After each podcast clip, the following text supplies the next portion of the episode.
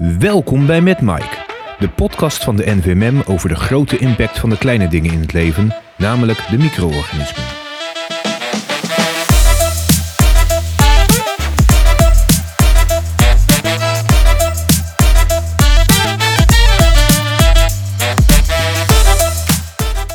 Ik ben Michel Hira. En ik ben Andreas Vos. En uh, Andreas, vandaag gaan we iets nieuws doen, hè? Nee, we gaan niet iets nieuws doen, we gaan het nieuws doen. Ah, ik dacht al, ik heb het verkeerd gelezen, denk ik. Nou, vertel, wat gaan we doen dan? Ja, we, we hebben het dus in één podcast over eigenlijk alle verschillende dingen die op dit moment actueel zijn.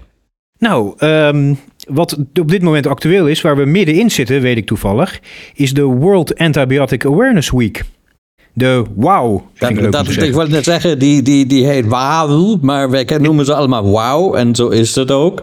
En ik denk, hier gaat het natuurlijk om een enorm belangrijke taper, antimicrobiële resistentie.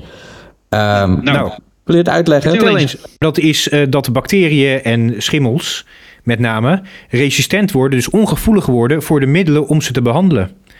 Dus uh, het idee is altijd dat je op een gegeven moment de, nou ja, een simpele blaasontsteking niet meer kan behandelen met antibiotica, omdat de bacteriën tegen die antibiotica kunnen.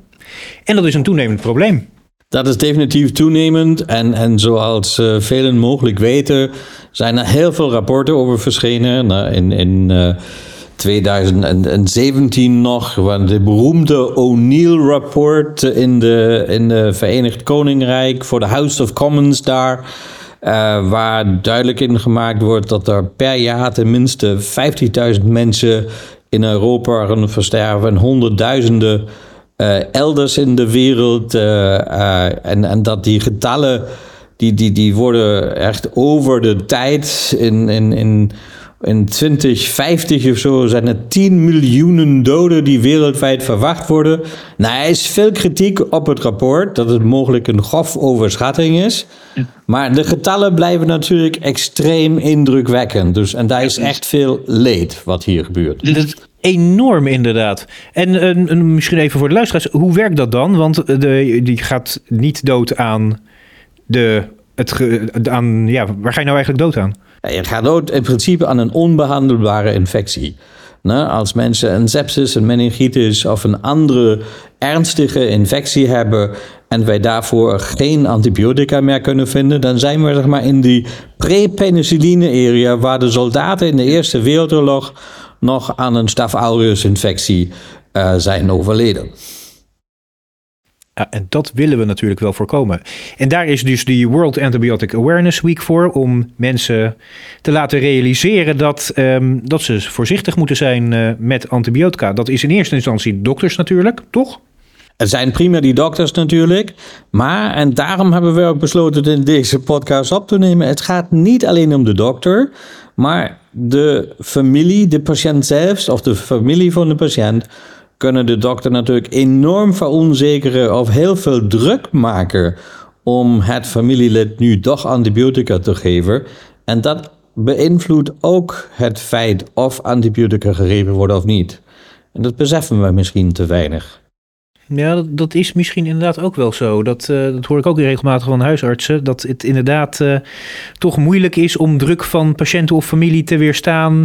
Om het continu te blijven uitleggen van nee, het is een virale infectie. Dus antibiotica helpen helemaal niet. Um, nou, daar zit inderdaad in het, uh, in ja, bij de patiënten en hun familie zit ook een, eigenlijk ook een verantwoordelijkheid. Want je doet het uiteindelijk ook voor de toekomstige generaties, wat dat betreft. Dat is zeker zo. En, en misschien moeten we hier wel zeggen dat Nederland toch één van de landen is met de laagste gift aan antibiotica. Dus onze huisartsen en onze specialisten ouderengeneeskunde en de medische specialisten ziekenhuizen doen het eigenlijk waanzinnig goed. Nou, maar er is, nog, er is nou altijd nog iets te verbeteren. Maar we zijn gezien de antibiotica gebruik op zo'n Europese ranglijst nou, daar waar we in de voetbal en andere sporten niks meer voorstellen, tenminste bij de antibiotica gebruik, zitten wij goed en zijn wij een van de toppers of de topper om niet onnodig antibiotica te gebruiken.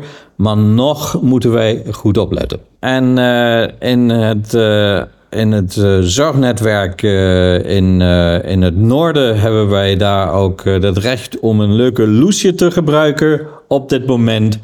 En dit is tijd om resistentie eens wat weerstand te bieden.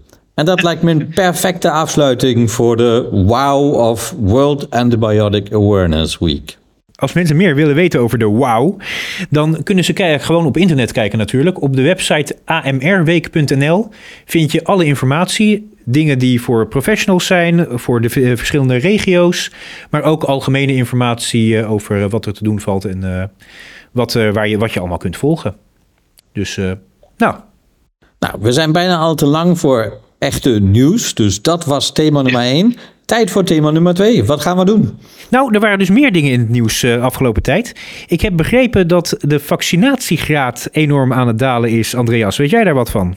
Uiteraard weet ik er helemaal niks van, maar gelukkig zijn er wel specialisten in dit land, zoals arts-microbioloog aan het Elisabeth Ziekenhuis in Tilburg, Jean-Luc Murk. En die weet er alles van. Nou ja, alles is misschien een heel erg groot woord. Ik, uh, ik houd bij. En uh, het RIVM die doet uh, altijd onderzoek naar, naar de vaccinatiegraad. En uh, zij zijn afgelopen maanden, een paar maanden geleden, naar buiten gekomen met een rapport. Waaruit blijkt dat de vaccinatiegraad terugloopt. Um, en dat is al twee jaar op rij het geval. En dan gaat het met name over de vaccinatie die uh, kinderen krijgen volgens het Rijksvaccinatieprogramma. En daar zien ze een daling in. En dat dat nu twee jaar op rij een daling is, dat baart toch wel zorgen.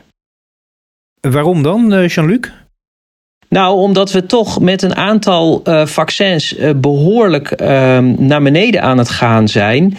En dan heb ik het met name over de bof, mazelen en rode hond vaccinatie, de, de BMR vaccinatie. En daar zijn we al een stuk gedaald onder een graad van 95 En die 95% is wel heel erg belangrijk voor bijvoorbeeld bescherming tegen mazelen omdat je eigenlijk die, die hoeveelheid nodig hebt om te voorkomen dat mazelen door een bevolking heen kan gaan circuleren. En we hebben natuurlijk al heel lang uh, nauwelijks mazelen gehad. Maar als die vaccinatiegraad afneemt, dan wordt de kans steeds groter dat die mazelen wel terugkeert in Nederland. Dat is wel een, uh, een grote zorg. Sinds COVID is, is natuurlijk uh, herd immunity zo'n aard uh, scheldwoord dat je niet meer mag gebruiken. Maar is dat een beetje wat je met de 95% bedoelt? Ja, dat is eigenlijk wat ik bedoel met die 95%. Dat je, eh, dat je 95% van de bevolking moet eigenlijk immuun zijn. Wil je voorkomen dat het virus uh, ja, makkelijk doorgegeven wordt van de een naar de ander. Ja, en dat is natuurlijk verschillend, denk ik, voor de verschillende virussen. Maar zeker voor mazelen is het, moet het zo hoog zijn.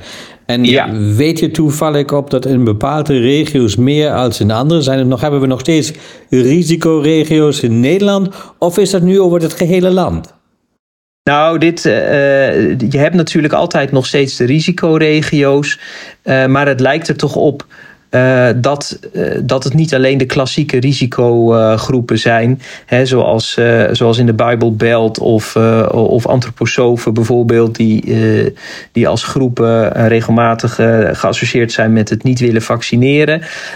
maar maar dit, dit is breder. Dus het, kijk, al met al moet ik zeggen, de, de bereidheid om kinderen te vaccineren is nog steeds heel erg hoog. Dat ligt echt nog wel op 85 procent. Um, wat, wat heel veel is. Maar het, het, het, het loopt iets terug. En omdat je voor mazelen in ieder geval zo'n hoog percentage nodig hebt omdat het zo'n vreselijk besmettelijk uh, virus is. Een van de meest besmettelijke virussen die, uh, die naar mijn idee ooit uh, bestaan heeft en bestaat. Ja, dan wordt dat, ondanks dat het eigenlijk een groot succes is, dat 85% van de kinderen gevaccineerd wordt, is het succes niet, niet goed genoeg. En volgens mij komt dat dus eigenlijk wel uh, breed. De, de, de weerstand is breder dan de traditionele groepen. Maar Jean-Luc, waarom is het nou erg als mensen mazelen krijgen? Of kinderen mazelen krijgen? Ja, nou dat is. Eh, kijk, mazelen is eigenlijk een, uh, in, in Nederland een oude vijand. En de meeste mensen zijn vergeten wat de nadelen ervan zijn. Uh, een, een, het is niet een echte oude vijand, want in heel veel, heel veel delen van de wereld waar de vaccinatiegraad laag is, veroorzaakt mazelen nog steeds veel problemen. Er zijn zeker al meer dan 100.000 doden per jaar worden door mazelen veroorzaakt. Dus men vergeet vaak hoe dodelijk deze virus virusinfectie is. En mazelen heeft drie problemen, als ik het kort mag samenvatten. Het eerste probleem is dat als je de infectie hebt op dat moment zelf, dat je er heel erg ziek van kan worden en ook van kan overlijden. Dat is probleem nummer één. Probleem nummer twee is dat mazelen jaren nadat je de infectie goed hebt doorgemaakt en hersteld bent, alsnog een soort her, nieuw probleem kan geven doordat het, het de hersenen infecteert en je een dodelijke herseninfectie krijgt. En dat gebeurt vaak 8, 7, 8 tot 10 of soms 12 jaar later dan mensen die gewoon helemaal uh, gezond zijn, ineens uh, blijkt dat dat virus ontsnapt is, in het brein is blijven hangen uh, en, en ineens heel veel ja, een dodelijke infectie veroorzaakt. Dus dat is het tweede probleem. Maar het allergrootste probleem van mazelen misschien is wel dat het cellen van je immuunsysteem infecteert waar het geheugen van je immuunsysteem in zit. Dus de, het geheugen van je immuunsysteem wordt door mazelen weggevaagd. Um, en dat leidt ertoe dat infecties waar je dacht dat je er tegen beschermd was, vaccinaties die je eerder hebt gehad, eventueel, of infecties die je eerder hebt doorgemaakt, dat geheugen wordt grotendeels gewist. En je wordt weer opnieuw vatbaar voor de infecties waar je al afweer tegen had. En het, het, het, het, interessante is dus dat een mazelenvaccinatie beschermt niet alleen tegen mazelen, maar beschermt ook tegen het verlies van je geheugen, van je immuunsysteem. Waardoor je veel minder vatbaar bent voor allerlei infecties. En in, uh, in, in, landen waar de welvaart wat minder is dan bij ons, zie je dat als ergens met mazelen gevaccineerd wordt, dat je niet alleen mazelen voorkomt, maar je voorkomt ook sterfte als gevolg van heel veel andere infecties. En het heeft alles te maken met het effect van mazelenvirus op je immuunsysteem. En dat, dus, dus dat zijn drie hele belangrijke redenen om je tegen mazelen te vaccineren. Nou, misschien moet ik nog een vierde noemen. En dat is dat we het vaccin tegen mazelen bij kinderen pas op de 14e maand geven. Um, en dat betekent dat er in Nederland altijd een populatie is van hele kwetsbare mensen, namelijk de jonge kinderen die niet gevaccineerd zijn. Die hebben wij namelijk altijd. Um, en dat geeft risico's. Dus ook mensen die hun kind graag willen vaccineren, die ja, maar dat kind is nog niet oud genoeg. Als het mazelen zomaar door de maatschappij rondgaat, dan kan ongewild dat kind ook met mazelen besmet raken, met alle gevolgen van dien. Ik, ik denk met, uh, met, met al die argumenten die uh, Jean-Luc uh, genoemd heeft, ja, kan je eigenlijk bijna niet zeggen van ik laat de mijne niet vaccineren. Uh, en ik, ik denk, ik heb een beetje het vermoeden dat mogelijk jouw derde argument, namelijk over de extra beschermende effect tegen andere uh, infectieziekten, dat dat niet voldoende bekend is. Heb je dat nee, uitgezien nee. in informatie van het RIVM of van het Rijksvaccinatieprogramma? Nee. Ik niet in ieder geval. Nee, dat kom je, dat kom je eigenlijk moeilijk tegen. Als je, als je de literatuur leest, dan, dan, dan lees je natuurlijk, uh, uh, kom je dat wel tegen.